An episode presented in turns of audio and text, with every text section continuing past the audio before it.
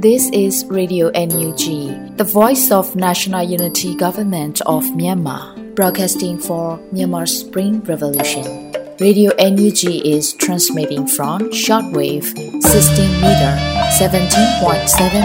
MHz at 8:30 a.m. and 25 meter 11.94 MHz at 8:30 p.m. Myanmar Standard Time. မင်္ဂလာပါရှင်။ မြို့သားညီညွတ်ရေးအစိုးရရဲ့အတန်လွင့်ဌာန Radio NUG ကိုမနက်ပိုင်း၈နာရီခွဲမှာလိုင်းတူ16မီတာ19.89 MHz ညပိုင်း၈နာရီခွဲမှာလိုင်းတူ25မီတာ17.6 MHz တို့မှာဓာတ်ရိုက်ဖမ်းယူနိုင်စေနိုင်ပါရှင်။မင်္ဂလာအပေါင်းနဲ့ပြည့်စုံကြပါစေ။အခုချိန်ကစပြီး Radio NUG အစီအစဉ်လေးကိုဓာတ်ရိုက်အတန်လွှင့်ပေးနေပါပြီရှင်။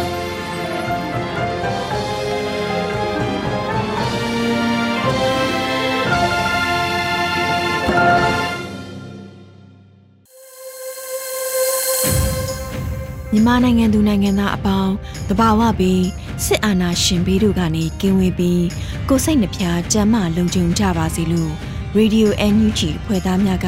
ဆုတောင်းမေတ္တာပို့သလာရပါတယ်ရှင်။အခုချိန်ကစပြီး Radio NUG ရဲ့သတင်းများကိုနှွေဦးမောင်မှတင်ဆက်ပေးမှာဖြစ်ပါတယ်ရှင်။မင်္ဂလာပါခင်ဗျာ။ယခုချိန်ကစပြီး Radio NUG မနက်ခင်းပြည်တွင်သတင်းများကိုဖတ်ကြားတင်ပြပေးပါတော့မယ်။ ယခုတင်ပြပေးမယ့်သတင်းတွေကတော့ Radio NUG သတင်းတာဝန်ခံတွေနဲ့ခိုင်လုံသောမိဖက်သတင်းရင်းမြစ်တွေမှာအခြေခံထားတာဖြစ်ပါတယ်။ကျွန်တော်ကတော့ຫນွေဦးမောင်ပါ။အမျိုးသားဒီမိုကရေစီအဖွဲ့ချုပ်ပါတီဥက္ကဋ္ဌနိုင်ငံတော်၏အတိုင်ပင်ခံပုဂ္ဂိုလ်ဒေါ်အောင်ဆန်းစုကြည်အပါအဝင်အဖွဲ့ချုပ်မှပါတီဝင်645ဦးမှာဖမ်းဆီးထိန်းသိမ်းခံထားရဆဲဖြစ်တယ်လို့သတင်းထုတ်ပြန်ထားပါတယ်။မတ်လ18ရက်နေ့မှာအမျိုးသားဒီမိုကရေစီအဖွဲ့ချုပ်ပါတီဗဟိုအလုပ်ကော်မတီကဖော်ပြကြေညာလိုက်ပါတယ်။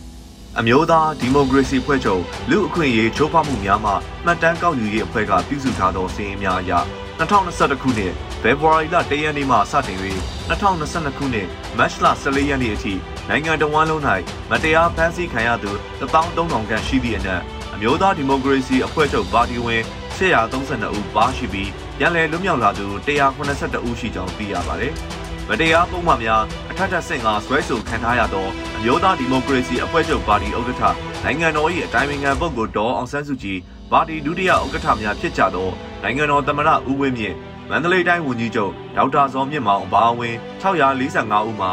ဖမ်းဆီးထိသိမ်းခံထားရဆဲဖြစ်ပါတယ်။မတရားဖမ်းဆီးထိန်းသိမ်းခံရသူများတဲ့တွင်လွတ်တော်ကိုယ်စားလှယ်109ဦးပါဝင်ပြီး၎င်းတို့အနက် ပြန်လည်လွတ်မြောက်လာသူ14ဦးရှိကကြံလွတ်တော်ကိုယ်စားလှယ်92ဦးမှာဖမ်းဆီးထိန်းသိမ်းခံထားရဆဲဖြစ်တယ်လို့သိရပါတယ်။မတရားဖမ်းဆီးထိန်းသိမ်းခံရစဉ်အတွင်းစစ်ကြောရေးကာလညင်ပန်းနှိပ်စက်တပ်ဖြတ်မှုနဲ့အကျဉ်းထောင်တွင်ကျန်းမာရေးစောင့်ရှောက်မှုမလုံလောက်သဖြင့်လွတ်တော်ကိုယ်စားလှယ်တဦးအပါအဝင်စုစုပေါင်း16ဦးကွဲလွန်ခဲ့တယ်လို့အဖွဲ့ချုပ်ကထုတ်ပြန်ပါတယ်။ဆက်လက်ပြီး အမေရိကန်မှာထိန်းချုပ်ခံရတဲ့ဒေါ်လာ1ဘီလီယံထုတ်ယူသုံးစွဲခွင့်ရပါကဒေါ်လာရေးကြီးအလှည့်အပြောင်းဖြစ်သွားနိုင်တယ်လို့ NUG နိုင်ငံသားရေးဝန်ကြီးဒေါ်စင်မအောင်ကဆိုပါတယ်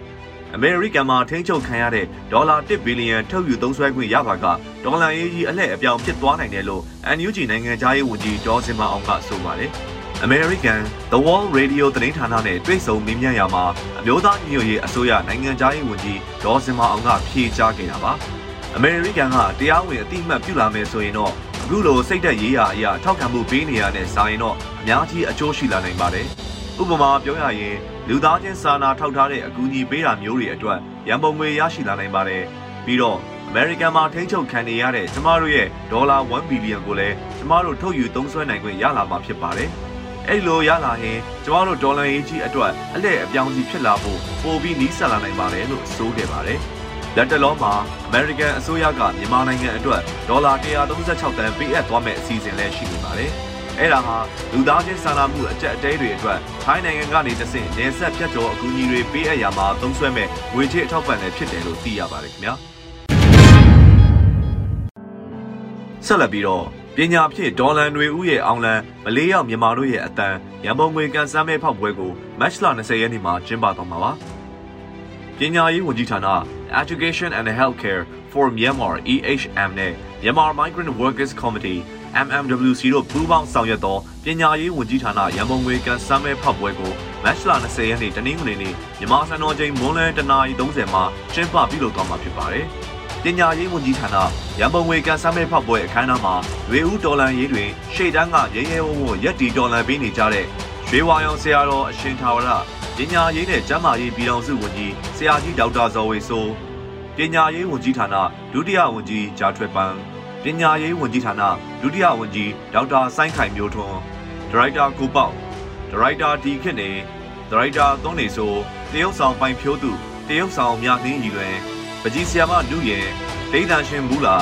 ဒိဋ္ဌာရှင်နီတာ DJY ဟာငါးကောင်ဖွဲ့ကိုရဲဟိန်းတို့ပါဝင်ပေးချမှာဖြစ်ပါတယ် မတ်လ20ရက်နေ့မြန်မာစံတော်ချိန်မိုးလွယ်တနာရီ30မှာပညာဖြစ်တော်လန်ရွေဦးရဲ့အောင်လန်မလေးရောက်မြန်မာတို့အတန်း Facebook Page ကလည်းဓာတ်ရိုက်ထုံးလွှင့်ပေးသွားမှာဖြစ်ပါတယ်ခင်ဗျာဆက်လက်ပြီးတော့ကံကောမြို့နယ်မြောက်ခင်ရန်ရွာသို့ဝင်ရောက်ကကံကော PDF မှပြည်သူ400ခန့်ကိုဘေးလွရာသို့ပို့ဆောင်နိုင်ခဲ့တဲ့တဲ့တင်ကိုတင်ဆက်ပေးပါမယ်။မကွေးတိုင်းကံကောမြို့နယ်မြောက်ခင်ရန်ရွာသို့ဝင်ရောက်ကကံကော PDF မှပြည်သူ400ခန့်ကို ဘေးလွရာသို့ပို့ဆောင်နိုင်ခဲ့တယ်လို့သတင်းရရှိပါတယ်။မတ်လ16ရက်နေ့မှာဒေသခံပြည်သူ400ကိုဘေးလွရာသို့ကယ်ထုတ်နိုင်ခဲ့ကြောင်းပြည်သူ့ကာကွယ်ရေးတပ်ဖွဲ့ကံကောကဆိုပါတယ်။မတ်လ16ရက်နေ့တွင်ဖက်စစ်စစ်တပ်နဲ့ပေါင်းကရန်ကုန်မြို့နယ်အတွင်းအပြစ်မဲ့ပြည်သူများအားရက်ဆက်စွာတပ်ဖြတ်ခြင်းနေအိမ်များအားမီးရှို့ခြင်းမတရားဖမ်းဆီးနှိပ်စက်ခြင်းရဲရွာအတွင်းရှိပြည်သူများကိုပြူစောသည့်တန်တန်းများအားအတင်းအဓမ္မတိုက်ခိုင်းခြင်းကင်းဆောင်ခိုင်းခြင်းမတရားဖိနှိပ်ခြင်းများကြောင့် ရင်းကျေးရွာအတွင်းရှိပြည်သူများမှအကူအညီတောင်းသဖြင့်ရန်ကုန်မြို့နယ်ပြည်သူ့ကာကွယ်ရေးအဖွဲ့နဲ့မဟာမိတ်တော်လှန်ရေးအဖွဲ့တို့ပူးပေါင်းကမြောက်ခင်ရန်ရွာသို့ဝင်ရောက်တိုက်ခိုက်ခဲ့ပါတယ်လို့ကံကော PDF ကဆိုပါတယ်။ထိတွေ့မှုတွင်ပြည်သူတို့၏လုံခြုံရေးကိုအဓိကထားကာကွယ်ပေးခဲ့ပြီးဖိနှိပ်ခံနေရသည့်ပြည်သူ400ခန့်ကိုဘေးလွတ်ရာသို့ပို့ဆောင်နိုင်ခဲ့တယ်လို့သိရပါတယ်။ထိတွေ့မှုဖြစ်နေစဉ်ဟန်သာဝတီရွာမှစစ်ကောင်စီတပ်များရဲနဲ့ပြူစောထီးများစစ်ကူရောက်လာသဖြင့်မိမိတို့ဒေါ်လန်ရေးရဲဘော်များပြန်လည်ဆုတ်ခွာခဲ့ရပြီး ပြည်သူများ၏နေအိမ်များကိုစစ်ကောင်စီနဲ့ပြည်များကမီးရှို့ဖျက်ဆီးနေကြောင်းသိရပါတယ်လို့ကံကော PDF ကဆိုပါတယ်။ဖြစ်စဉ်အတွင်းဒေါ်လာရေးရဲဘော်တို့ရင်းညက်စွာအသက်ပေးခဲ့ရပြီးတဦးတန်ရာမစိုးရင်ရရရှိခဲ့ကြောင်းသိရပါတယ်။နောက်ဆုံးသတင်းအနေနဲ့စနိုက်ပါစာမိ၍စစ်ကောင်စီတပ်ဖွဲ့ဝင်၄ဦးဓမော့ဆုံမြို့နယ်အိုခူကြီးရွာတွင်ထပ်မံသေဆုံးခဲ့ပါတယ်။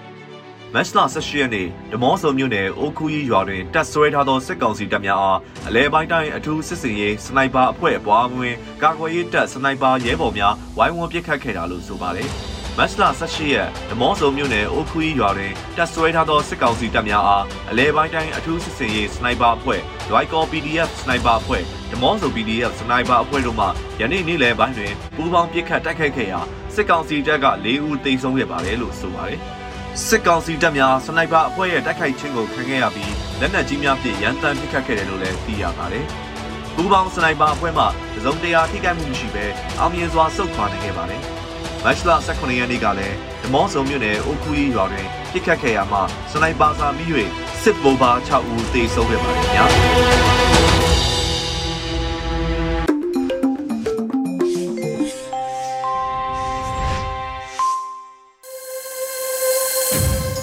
အခုဆက်လက်ပြီးပြည်သူခုခံတော်လန်စစ်တရေများကိုမင်းနိုင်ွေဦးမှတင်ဆက်ပေးမှာဖြစ်ပါရရှင်ပထမဆုံးတင်ဆက်မှာကတော့စစ်ကောင်စီတပ်သား40ကျော်ပါသောတန်ကွန်မော်တော်တစ်စီးကိုမြို့လာ PDF ကတိုက်ခိုက်ရာ မော်တော်အတွင်းသို့ RPG ထိမှန်ပြီးစစ်သားသေဆုံးထိခိုက်မှုများတဲ့တဲ့တင်တင်ဆက်မှာပါအကြမ်းဖက်စစ်ကောင်စီတပ်သားအင်အား40ကျော်ပါသောတန်ကွန်မော်တော်တစ်စီးကို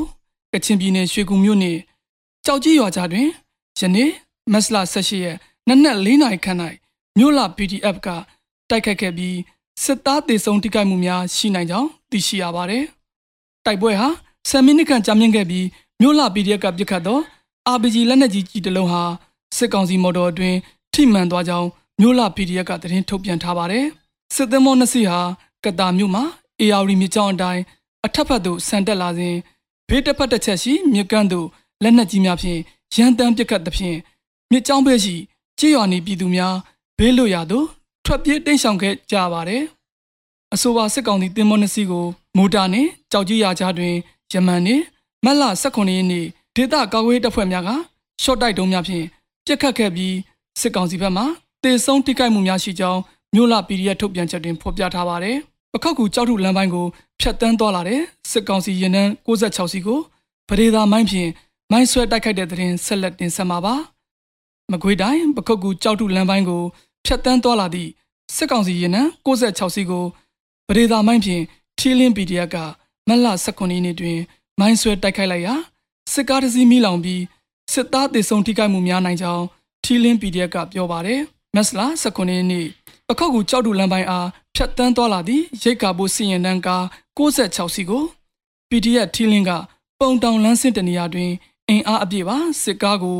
ဝေဝေဆဆပရိသာမိုင်းများဖြင့်အမိအရာ မိုင်းဆွဲတိုက်ခိုက်ခဲ့ရာကားတစ်စီးမီးလောင်ပျက်စီးသွားကြောင်းအသေးအပြောက်များပြားပြီးအရေးအတွက်အတိအကျအတိပြုတ်နိုင်သေးခြင်းမရှိကြောင်းသတင်းထုတ်ပြန်ထားပါတယ်။နောက်ဆုံးအနေနဲ့အမျိုးသားညီညွတ်ရေးအစိုးရပြည်ထရေးနှင့်လူဝင်မှုကြီးကြပ်ရေးဝန်ကြီးဌာနက2022ခုမတ်လ18ရက်ရက်စွဲနဲ့ထုတ်ပြန်တဲ့ပြည်သူ့ခုခံတော်လှန်စစ်သတင်းအချက်အလက်တွေကိုတင်ဆက်ပေးသွားမှာပါ။အာဏာသိမ်းအကြမ်းဖက်စစ်အုပ်စု၏ပြည်သူလူထုအပေါ် အကြမ်းဖက်ဖိနှိပ်ဖမ်းဆီးတိုက်ခိုက်တပ်ဖြတ်နေမှုများကိုပြည်သူလူထုတရက်လုံးကအသက်ရှင်သန်ရေးအတွက်မိမိကိုယ်ကိုမိမိခုခံကာကွယ်ပိုင်ခွင့်အရာပြည်သူခုခံစစ် People Defense War ကိုဆင်နွှဲလျက်ရှိပါတယ်။သတင်းအချက်အလက်များအရ18ရက်3လ2022ရက်နေ့တွင်စစ်ကောင်စီတပ်ဖွဲ့ဝင်49ဦးသေဆုံးပြီးထိခိုက်ဒဏ်ရာရရှိသူ12ဦးအထိခုခံတိုက်ခိုက်နိုင်ခဲ့ပါတယ်။စစ်အာဏာရှင်စနစ်မြမအမျိုးပေါ်မှာအပြည့်နိုင်ချုပ်ငြိမ်းရေး ဖက်ဒရယ်ဒီမိုကရေစီတည်ဆောက်ရေးအတွက်ငြိမ်းချမ်းစွာဆန္ဒပြသည့်လူလူတပိတ်တိုက်ပွဲများကပြည်내နှင့်တိုင်းဒေသကြီးများမှာဖြစ်ပွားပေါ်ပေါက်လျက်ရှိပါတယ်။မြေပြင်မှာယခုတွေ့ရှိရတဲ့သတင်းချက်လက်များတွေပို၍ဖြစ်ပွားနိုင်ပါတယ်ခင်ဗျာ။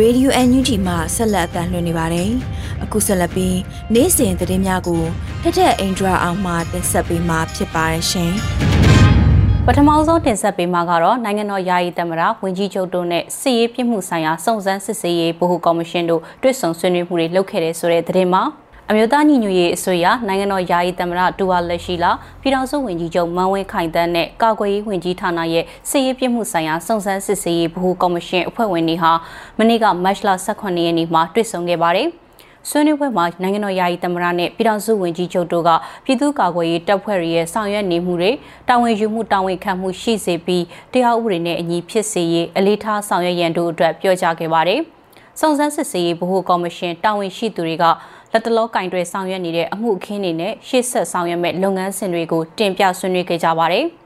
စီးရေးပြမှုဆိုင်ရာစုံစမ်းစစ်ဆေးရေးဘိုးကော်မရှင်ကို2021ခုနှစ်ဒီဇင်ဘာလကစတင်ဖွဲ့စည်းခဲ့ပြီး2022ခုနှစ်မတ်လမှာကာကွယ်ရေးဝန်ကြီးဌာနနဲ့တရားရေးဝန်ကြီးဌာနမှဌာနဆိုင်ရာတာဝန်ရှိသူတွေနဲ့ပေါင်းဆက်ပြီးတော့တိုးချဲ့ဖွဲ့စည်းဆောင်ရွက်ခဲ့တာဖြစ်တယ်လို့လည်းသိရပါဗျ။ဆက်လက်တင်ဆက်ပေးမှာကတော့အမျိုးသားညီညွတ်ရေးအစိုးရအနေနဲ့တရုတ်နိုင်ငံနဲ့တန်တမန်ရေးရဆက်ဆံနိုင်ရေးလှုံ့ဆော်နေပြီးတရုတ်ဘက်ကလည်းချင့်ချိန်စဉ်းစားမှုတွေရှိနေတယ်လို့နိုင်ငံရေးဝန်ကြီးဒေါ်စင်မအောင်ပြောကြားလိုက်တဲ့ဆိုတဲ့သတင်းမှာ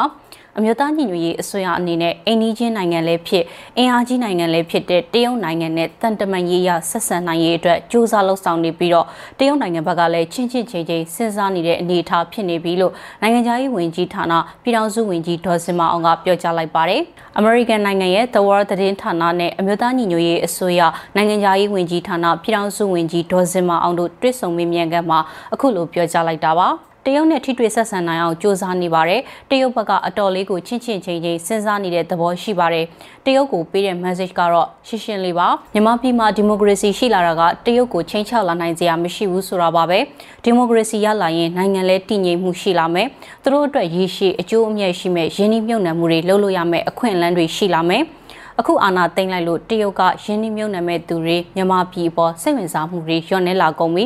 ရှင်းအောင်ပြောရရင်တော်လှန်ရေးအတွက်တရုတ်စီကအကူအညီတောင်းနေတာမဟုတ်ပါဘူးအကြမ်းဖက်ဆရာနာသိန်းအဖွဲ့ကိုမထောက်ခံဖို့နဲ့တရားဝင်အတိအမှတ်ပြုတာမျိုးတွေမလုပ်ဖို့ပဲပြောနေတာပါလို့ဒေါ်စင်မအောင်ကပြောကြားထားပါတယ်မြန်မာနိုင်ငံမှာဒီမိုကရေစီအင်အားစုတွေကစစ်တပ်ကိုအာဏာကနေဖယ်ရှားနိုင်မယ်လို့ယုံကြည်ထားကြရဲဆိုပြီးတော့လည်းမှတ်ချက်ပြုခဲ့ပါတယ် အကြမ်းဖက်စစ်တပ်ကိုနိုင်ငံရေးမျက်နှာစာကနေဆွဲထုတ်နိုင်မှသာတိုင်းရင်းသားလူမျိုးစုတွေကြားမှာညီမျှမှုတွေနဲ့ကိုယ်ပိုင်ဆုံးဖြတ်ခွင့်တွေရှိလာမှဖြစ်တယ်လို့ဆိုပါတယ်။မြမရေကိုမျက်ွယ်မပြုပဲရင်ဆိုင်ကူညီပေးမှသာစစ်တပ်ရဲ့အာဏာသိမ်းတဲ့ဖြစ်စဉ်တွေမရှိတော့ပဲနောက်ထပ်အကြမ်းဖက်ခံရမှုတွေရောက်မလာတော့မှလို့လဲထောက်ပြပြောဆိုထားတာကိုတွေ့ရပါတယ်။ လက်ရှိချိန်မှာအမျိုးသားညီညွတ်ရေးအစိုးရရဲ့ဦးဆောင်မှုနဲ့မြန်မာပြည်သူတွေစီမှာအကြမ်းဖက်စစ်တပ်ကိုတိုက်ခိုက်ဖို့ကိုပိုင်ကာကွယ်ရေးတပ်ဖွဲ့တွေရှိလာပြီးဖြစ်ပြီးတော့အကြမ်းဖက်စစ်တပ်ကိုအမဲချွေနိုင်နေပြီလို့လည်းဆိုထားပါတယ်။အမျိုးသားညီညွတ်ရေးအစိုးရစီကိုသာဒေါ်လာဘီလီယံနဲ့ချီပြီးရရှိခဲ့မယ်ဆိုရင်လူသားချင်းစာနာထောက်ထားတဲ့အကူအညီတွေကိုပေးနိုင်မှာဖြစ်ပြီးတော့တပ်ဖွဲ့တွေအတွက်လည်းစားနပ်ရိက္ခာနဲ့တခြားအထောက်အပံ့တွေအများကြီးပေးနိုင်မှာဖြစ်တယ်လို့လည်းပြောကြားထားပါတယ်။ အခုတင်ဆက်ပေးမှာကတော့အယက်သားအစိုးရလက်ထက်မှာဖွံ့ဖြိုးမှုအနည်းဆုံးနိုင်ငံကနေလွတ်မြောက်လာခဲ့ပေမဲ့ဆင်အနာသိမ်းပြီးတဲ့နောက်မှာရပ်တန့်ခဲ့ရတယ်လို့တမ်မကြီးဦးကျော်မိုးထွန်းပြောကြားလိုက်တဲ့သတင်းကိုတင်ဆက်ပေးပါမယ်။မြန်မာနိုင်ငံကအယက်သားအစိုးရလက်ထက်မှာဖွံ့ဖြိုးမှုအနည်းဆုံးနိုင်ငံအဆင့်ကနေလွတ်မြောက်ရေးဆိုင်ရာစံနှုန်း၃ခုစလုံးနဲ့ပထမအဆုံးအကြိမ်ပြည့်မီခဲ့ပေမဲ့လည်းစစ်တပ်အာဏာသိမ်းမှုကအယက်သားအစိုးရရဲ့ဒီမိုကရေစီအသွင်ကူးပြောင်းရေးကြိုးပမ်းမှုတွေကိုရပ်တန့်စေခဲ့ပါတယ်။ စစ်အာဏာရှင်စနစ်ချုပ်ငြိမ်းရေးဒီမိုကရေစီပြန်လည်ထူထောင်ရေးနဲ့မြန်မာနိုင်ငံမှာဗတ်စုံဖွံ့ဖြိုးတိုးတက်မှုတွေဖော်ဆောင်ရေးကြိုးပမ်းရာမှာနိုင်ငံတကာအတိုင်းအဝန်အနေနဲ့ကုညီဆောင်ရွက်ပေးကြဖို့ကုလသမဂ္ဂဆိုင်ရာမြန်မာအမြဲတမ်းကိုယ်စားလှယ်တမ္မကြီးဦးကျော်မိုးထွန်းကပြင်ဆမအကြိမ်ဖွံ့ဖြိုးမှုအ ਨੇ ဆုံးနိုင်ငံများဆိုင်ရာကုလသမဂ္ဂညီလာခံမှာပြောကြားလိုက်ပါတယ်။ 2020ပြည့်နှစ်အတွင်းမြန်မာစီးပွားရေးအပေါ် COVID-19 ကပ်ရောဂါရဲ့ဆိုးရွားတဲ့တက်ရောက်မှုတွေရှိနေပေမဲ့ရွေးကောက်ခံပြည်သူအစိုးရကတင့်တော်တဲ့လူမှုစီးပွားကယ်ဆယ်ရေးမူဝါဒတွေနဲ့စီးပွားရေးတိုးတက်မှုတွေကိုဆက်လက်ထိန်းသိမ်းထားနိုင်ခဲ့သလိုဖွံ့ဖြိုးတိုးတက်မှုအ ਨੇ ဆုံးနိုင်ငံစည်းရင်းကနေလွတ်မြောက်ဖို့အရေးချင်းပြည့်မီတဲ့လမ်းကြောင်းမှန်ပေါ်ကိုရှိနေခဲ့တယ်လို့ဆိုပါတယ်။ တရားမဝင်စစ်တပ်ကအာဏာသိမ်းမှုနဲ့အတူမတည်ငြိမ်မှုအခြေအနေတွေဖြစ်ပေါ်လာပြီး UNDP ရဲ့အချက်အလက်တွေအရ2022ခုနှစ်အစောပိုင်းမှာမြန်မာနိုင်ငံလူဦးရေရဲ့ထက်ဝက်နီးပါးခန့်ဖြစ်တဲ့လူဦးရေ25သန်းအထိဟာစီးရင်နွမ်းပါမှုမြင်အောင်မှာနေထိုင်ရတဲ့အခြေအနေရောက်ရှိလာနိုင်တယ်လို့ခန့်မှန်းထားပါတယ်။ကိုဗစ်ဆိုးကျိုးတက်ရောက်မှုနဲ့အာဏာသိမ်းမှုဖြစ်စဉ်တွေကြောင့်ဖြစ်လာတဲ့နိုင်ငံရေးမတည်ငြိမ်မှုတွေကမြန်မာစီးပွားရေးကို18ရာခိုင်နှုန်းအထိကျဆင်းမယ်လို့လည်း World Bank ကလည်းခန့်မှန်းထားတယ်လို့ဆိုပါတယ်။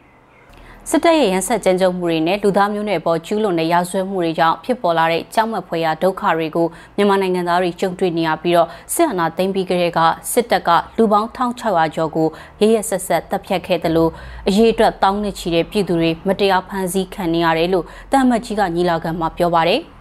မြန်မာပြည်သူတွေကစီးပွားရေးချွတ်ချုံကြမှုအလွန်မင်းဆင်းရဲမွဲတေမှုစားနပ်ရိက္ခာမလုံလောက်မှုနေရစွန့်ခွာရွှေ့ပြောင်းရတာလူသားချင်းစာနာထောက်ထားမှုအစရှိတဲ့စိန်ခေါ်မှုပေါင်းစုံကိုကြုံတွေ့နေကြရတာပဲဖြစ်ပါတယ်။ဆက်လက်တင်ဆက်ပေးမှာကတော့ UAE နိုင်ငံမှာအမျိုးသားညီညွတ်ရေးအစိုးရငွေတိုက်စာချုပ်ဝယ်ယူနိုင်မဲ့ကိုယ်စားလှယ်စီးရင်ကိုထုတ်ပြန်လိုက်တဲ့သတင်းမှာ UAE နိုင်ငံမှာအမျိုးသားညီညွတ်ရေးအစိုးရငွေတိုက်စာချုပ်တွေဝယ်ယူနိုင်မဲ့ကိုယ်စားလှယ်စီးရင်ကိုစီမံကိန်းဗဏ္ဍာရေးနဲ့ရင်းနှီးမြှုပ်နှံမှုဝန်ကြီးဌာနအခွန်များဦးစီးဌာနကထုတ်ပြန်လိုက်ပါတယ်။နိုင်ငံလိုက်ငွေရဲစာချုပ်ဝယ်ယူနိုင်မဲ့ကိုယ်စားလှယ်တွေကိုထုတ်ပြန်လျက်ရှိရမှာဒီတစ်ခါမှာတော့ UAE နိုင်ငံကကိုယ်စားလှယ်စီရင်ကိုထုတ်ပြန်ပေးလိုက်တာလည်းဖြစ်ပါတယ်။ UAE နိုင်ငံမှာဆက်သွယ်ဝယ်ယူနိုင်တဲ့ပြည်သူ့ဂုံရီအသင်း UAE အမည်ဟန်တာမြင့်ဦးဖြစ်တယ်လို့ဖော်ပြထားတာကိုတွေ့ရပါတယ်။ ဒါအပြင် NUG ဘုံဝယ်ယူပုံဝယ်ယူနည်းတွေကိုအထက်ပါကိုယ်စားလှယ်ထံကိုဆက်သွယ်စုံစမ်းပြီးဝယ်ယူနိုင်တယ်လို့ www.unitedbond.nug.org link မှာဝင်ရောက်ကြည့်ရှုပြီးတော့ဖြစ်စေချက်ပေါက်မှာဝင်ရောက်မေးမြန်းပြီးတော့ဖြစ်စေစုံစမ်းဝယ်ယူနိုင်တယ်လို့ဖော်ပြထားပါတယ်။လက်ရှိဖော်ပြထားတာကချိန်ညာဖို့သဘောတူထားတဲ့ငွေတိုက်စာချုပ်ကိုယ်စားလှယ်တွေဖြစ်ပြီးတော့လုံခြုံရေးအရာ social media မှာချိန်ညာဖို့အခက်အခဲရှိတဲ့ငွေတိုက်စာချုပ်ကိုယ်စားလှယ်တွေလည်းအများကြီးရှိနေသေးတယ်လို့ဆိုပါတယ်။ ဝန်ကြီးဌာနရဲ့သတင်းထုတ်ပြန်ချက်မှာတော့လက်ရှိချိန်ထိရောက်ရှိခဲ့တဲ့တော်လှန်ရေးခီးရဲ့အဓိကမောင်းနှင်အားဟာပြည်သူတွေသာဖြစ်ပြီးတော့တစ်ချိန်တည်းမှာပဲတော်လှန်ရေးတရက်ပိုကြတိုင်းအချိန်နဲ့အမျှပုံမှုထိခိုက်သေးချေပျက်စီးရတဲ့မိမိတို့လိုပြည်သူတွေအများကြီးရှိနေသေးတာကိုနေ့စဉ်နဲ့အမျှရင်နှင်းဝင်မြင်တွေ့သိရှိနေရတယ်လို့ဆိုပါတယ်။ဒါကြောင့်ပြည်သူတွေအချင်းချင်းကာကွယ်ဆောင်ရှောက်ဖို့ကလေးငယ်ပေါင်းများစွာလူငယ်သားကောင်းများစွာ မိဘဘိုးဘွားပေါင်းများစွာရဲ့အသက်အိုးအိမ်တွေကိုကဲ့တင်နိုင်ဖို့အတွက်ငွေတိုက်စာချုပ်တွေဝယ်ယူကြဖို့တိုက်တွန်းထားတာကိုတွေ့ရပါတယ်။အာနာသိန်းအကြမ်းဖက်စစ်ကောင်စီကောင်ဆောင်မင်းအောင်လှိုင်နဲ့ယူကရိန်းနိုင်ငံကိုမတရားကျူးကျော်စစ်ဆင်နွှဲနေတဲ့ပူတင်တို့ဟာစစ်ရာဇဝဲကောင်းတွေဖြစ်တယ်လို့ကရင်ပြည်နယ်ကော့ကရိတ်မြို့နယ်ဒေသခံတွေကဆန္ဒထုတ်ဖော်ခဲ့ပြီးယူကရိန်းပြည်သူတွေနဲ့အတူရက်တီကြောင်းပြသခဲ့ပါတယ်။ ဆန္ဒထုတ်ဖော်မှုကိုဒီကနေ့မတ်လ18ရက်နေ့မနက်ပိုင်းကကော့ကရိတ်တောင်ပိုင်းတနေရာမှာဒေသခံအင်အား100ကျော်နဲ့ပြုလုပ်ခဲ့ပြီးတော့ရုရှားနိုင်ငံရဲ့မတရားကျူးကျော်စစ်ကြာရှုံးပါစေရုရှားစစ်တပ်ယူကရိန်းနိုင်ငံမှာချစ်ချင်းထွက်သွားမင်းအောင်လှိုင်သည်ဆရာဇွဲကောင်ပူတင်သည်ဆရာဇွဲကောင်ဆိုတဲ့စာတမ်းတွေနဲ့အတူဆန္ဒထုတ်ဖော်ခဲ့တာပါ စကိုင်းတိုင်းရင်းမပင်မြို့နယ်ကရင်းမပင်အရှိချမ်းနဲ့ဆလင်းကြီးမြောက်ချမ်းတို့ပူးပေါင်းထားတဲ့ရွာပေါင်းစုံတပိတ်ကလည်းဒီကနေ့မနက်မှာ383ရက်မြောက်အဖြစ်ဆန္ဒပြချီတက်လှည့်လည်ခဲ့ပါတယ်။စကိုင်းတိုင်းကလေးမျိုးရဲ့ပင်မတပိတ်စစ်ကြောင်းကလည်းဆရာနာရှင်စန့်ချီရဲ့အဖြစ်404ရက်မြောက်ချီတက်လှည့်လည်ဆန္ဒပြတာကိုဒီကနေ့မနက်မှာပြုလုပ်ခဲ့ပါတယ်။ ဆန္ဒပြပြည်သူတွေကမတရားမှုဟာနေသားချမှုဖြစ်လာရင်နောက်မျိုးဆက်တွေအတွက်ကန်ဆိုးမှုတွေပဲလာလိမ့်မယ်ဆိုတဲ့စာသားကိုကင်ဆယ်ပြီးတော့ဆန္ဒရှင်ကြာရှုံးရေးဟစ်ကြွေးတန်တွေနဲ့ချီတက်ဆန္ဒပြခဲ့တာပါကချင်ပြည်နယ်ဖောက်ကတ်မြို့မှာအကြမ်းဖက်ဆန္ဒရှင်စန့်ကျင်ရေးဆန္ဒပြပွဲနဲ့ KIA PDF NUG ထောက်ခံပွဲကိုဒီကနေ့မနက်မှာပြုလုပ်ခဲ့ပါတယ်။ဆန္ဒပြပြည်သူတွေကအင်တာနက်9လနီးပါးပြတ်တောက်ခံထားရတဲ့အတွက် မင်းအောင်လှိုင်ကိုအသေးစိုးနဲ့တည်ဖို့ဆူတောင်းခဲ့တယ်လို့ဆရာနာရှင်စန့်ကျင်ရေးတပိတ်ကိုပြုလုပ်ခဲ့ပါတယ်။ကျေးဇူးတင်ပါတယ်ရှင်။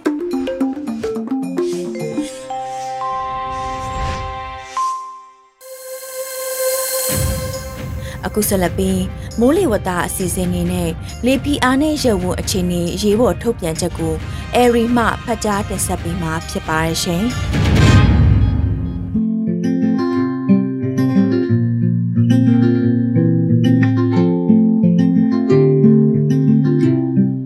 မျိုးသားညီညွတ်ရေးအစိုးရလူသားချင်းစာနာထောက်ထားရေးနဲ့ဘေးရန်နယ်ဆိုင်ရာစီမံခန့်ခွဲရေးဝန်ကြီးဌာနကမိုးလေဝသအရေးပေါ်ထုတ်ပြန်ချက်တရက်ကို2022ခုနှစ်မတ်လ18ရက်နေ့နေ့စွဲနဲ့ထုတ်ပြန်ကြေညာလိုက်ပါတယ်။ဘင်္ဂလားပင်လယ်အော်အရှေ့တောင်ပိုင်းနဲ့၎င်းနဲ့ဆက်ဆက်နေတဲ့အီကွေတာအနီးအိန္ဒိယသမုဒ္ဒရာအရှေ့ပိုင်းမှာဖြစ်ပေါ်နေတဲ့လီဘီယာနဲ့ရဝန်းအခြေအနေထုတ်ပြန်ချက်။ လက်ရှိဖြစ်ပေါ်နေတဲ့လီဘီယာနဲ့ရဝန်းအခြေအနေကိုခံမှန်းရမှာပထမ model အရလာမယ့်မတ်လ20ရက်နေ့မှာမြန်မာနိုင်ငံ AR မြဝကျွန်းမော်ဒေတာရှိမော်ဒန်ဇွန်အထက်နားမှာကုန်းတွင်းပိုင်းသို့ဝင်ရောက်ပြီး21ရက်နေ့ညနေပိုင်းမှာပဲခူးတိုင်းပြည်မြို့အနီးမှာအားပြော့ပြက်ပြေသွားနိုင်ကြောင်းခံမှန်းရပါတယ်။ဒုတိယ model ခံမှန်းချက်အရလာမယ့်မတ်လ22ရက်နေ့မှာမြန်မာနိုင်ငံရခိုင်ပြည်နယ်တန်တွဲနဲ့ကြောက်ဖြူမြို့ကြားမှာကုန်းတွင်းသို့ဝင်ရောက်ပြီးစကိုင်းတိုင်းမုံရွာမြို့အနီးမှာအားပြော့ပြက်ပြေသွားနိုင်ကြောင်းခံမှန်းရပါတယ်။ မလအတွင်းဖြစ်ပွားခဲ့မှုတဲ့မုံတိုင်းတွေရဲ့ရာဇဝင်ကိုပြန်လည်သုံးသပ်ကြည့်ဟာ1992ခုနှစ်မလမှာဖြစ်ပေါ်ခဲ့တဲ့မုံတိုင်းဟာကွားမြို့အနီးကနေဝင်ရောက်တိုက်ခတ်ခဲ့ခြင်းဖြစ်ပြီးဆက်သွယ်ရေးတာဝါတိုင်းတချို့ထိခိုက်ပျက်စီးမှုဖြစ်ပွားခဲ့ကြောင်းတွေ့ရှိရပါတယ်။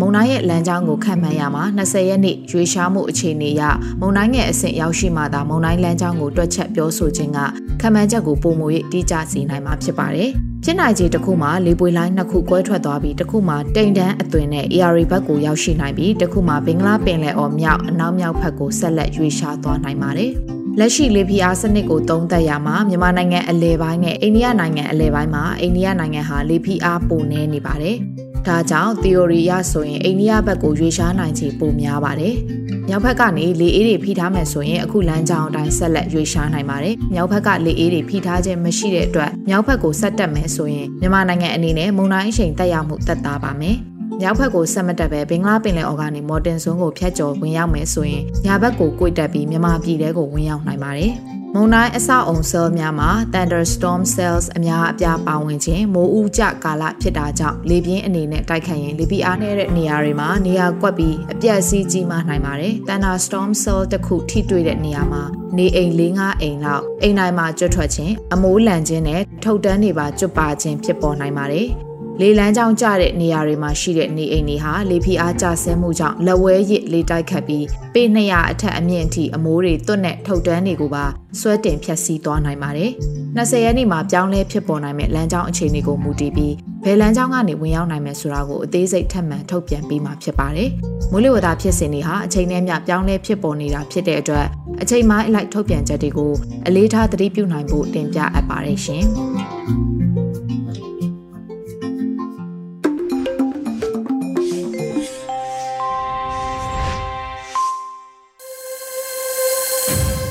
Radio NUG မှာဆက်လက်အသံလွှင့်နေပါတယ်။အခုဆက်လက်ပြီးတိုင်းရင်းသားဘာသာစကားအစီအစဉ်လေးနဲ့ဂျိုးချင်းဘာသာစကားခွဲတစ်ခုဖြစ်တဲ့ဒိုင်းဘာသာစကားဖြင့်သတင်းထုတ်လွှင့်မှုအစီအစဉ်ကိုတင်ဆက်ပေးမှာဖြစ်ပါရှင်။ဒီအစီအစဉ်ကို Radio NUG နဲ့ဂျိုးချင်းဘာသာစကားထုတ်လွှင့်မှုအစီအစဉ်အဖွဲ့တို့မှပူးပေါင်းထုတ်လွှင့်တင်ဆက်တာဖြစ်ပါရှင်။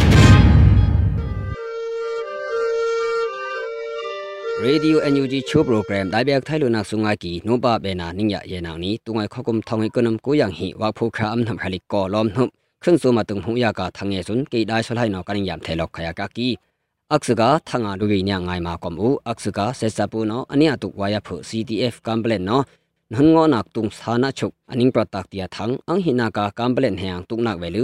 khang a thong mo da sen iki tia thang ak thum na kam batu palet wa CTF ya CNE now se အောက်ထုမနာကံဘတူပလက်ပါ CTF ယာ CNE နောင်ဆက်ဆပ်ပူအနိယတုကဖုဆက်ဆမ်ဟာတိကီတယာထံအဖုနာကကြောက်ထု PDF နောင်ဆက်ဆပ်ပူမန်ယာပေါ့စီဥလိုဆက်ဆာခက်တိကီတယာထံအမဟာနာက CTF မင်တယာ CTF စန်ထံမလုကောမတ်နလူဆက်ဆပ်ပူယာတုဝိုင်တီလူငီကီဟွိုင်တယာထံအခုနာကဘာဇက်ဆပ်ပူခဲယာဆုဆက်ဝိုင်ထုကီတီလူကူလာမဟာမင်းကြီး UN အန်ဝိုင်နောအပန်တယာထံ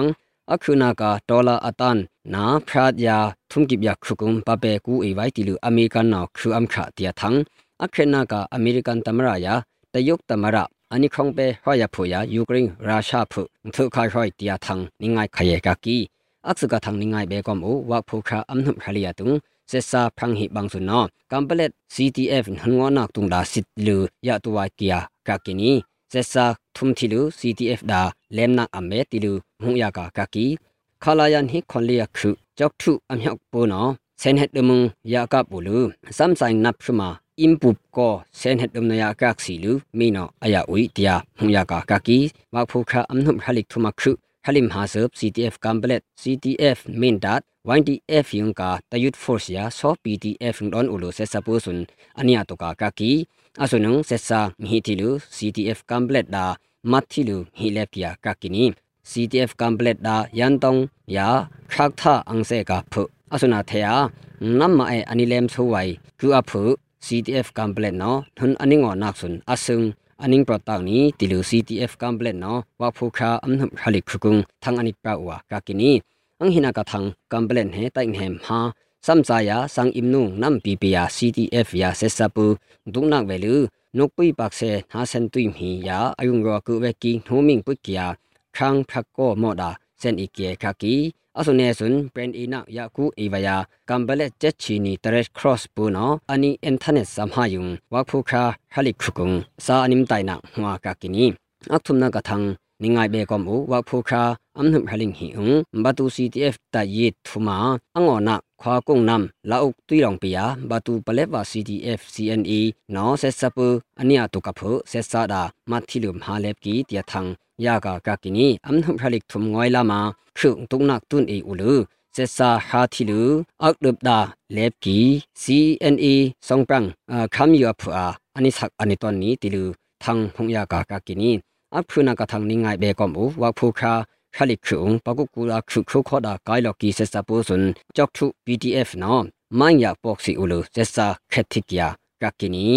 amhana ka thang ningai be kom u CTF min ta ya CTF sen thang no se sapu ya tung na kum nuk ko mat na lu sungi lu ya tu wai ti lu khum kha ki ho ya ka ki ni CTF sen thang sun kho kum thong hi ko nong mku ya mat khui ja khang ani tun i wa ka ki ni ani sun CTF min ta tung ngi to na po lo ki apu khuk na ka pi ka ki ni အခုနာကထံငိုင်ဘဲကမှုအမ်ပါစဆိုင်အနိမ်ခဲဖုရဆုဆက်ဝိုင်ထုကီတီလူ ကူလာမဟာမင်းကြီးအန်ဝိုင်နော်ဝါဖုခါအမ်နုဖလိမ်ဟန်ခေါင်ပဲနကတုံယမ်စကီယာကကီနီအခုနာကထန်နိငိုင်ဘဲကမှုအမေရိကန်နော်ဒေါ်လာတန်အဖရာကနုံအခုကီခုကုံဘပဲကူအိခိုင်တီလူလှတ်တော်ခါနာပေါကီယာကကီနီအစနာငွေစနုံ NUG NUCC CTM ရ EAO ရကူ AY တီလူ USACM အမေရိကန်မဟာမိတ်ပေါ်နော်အပနာကကီနီ ယာ EAO ယာကူ AY တီလူ USACM American Mahamik Pono apena kakini akhena kathang ningai be kom u Russia no Ukraine ataka phoya khongpe hoi kho kham zam eya phung sung ikya တယုတ်တမရရှီကျင်းဖင်ယာအမေရိကန်တမရဂျိုးဘိုင်ဒန်ဆွန်းဒမ်ဟပုန်ထုနာဘိခိုင်ဟိုတီလူတမရအင်ငေါနာနောအပနာကကီနီဆုငါကီနိုပါဘေနာနင်းရရဲ့နာနီလောဘေတူတီခွန်းဆုမ်လောမ်နှုတ်တူတီယာနင်းခုမ်ဘေတူကွန်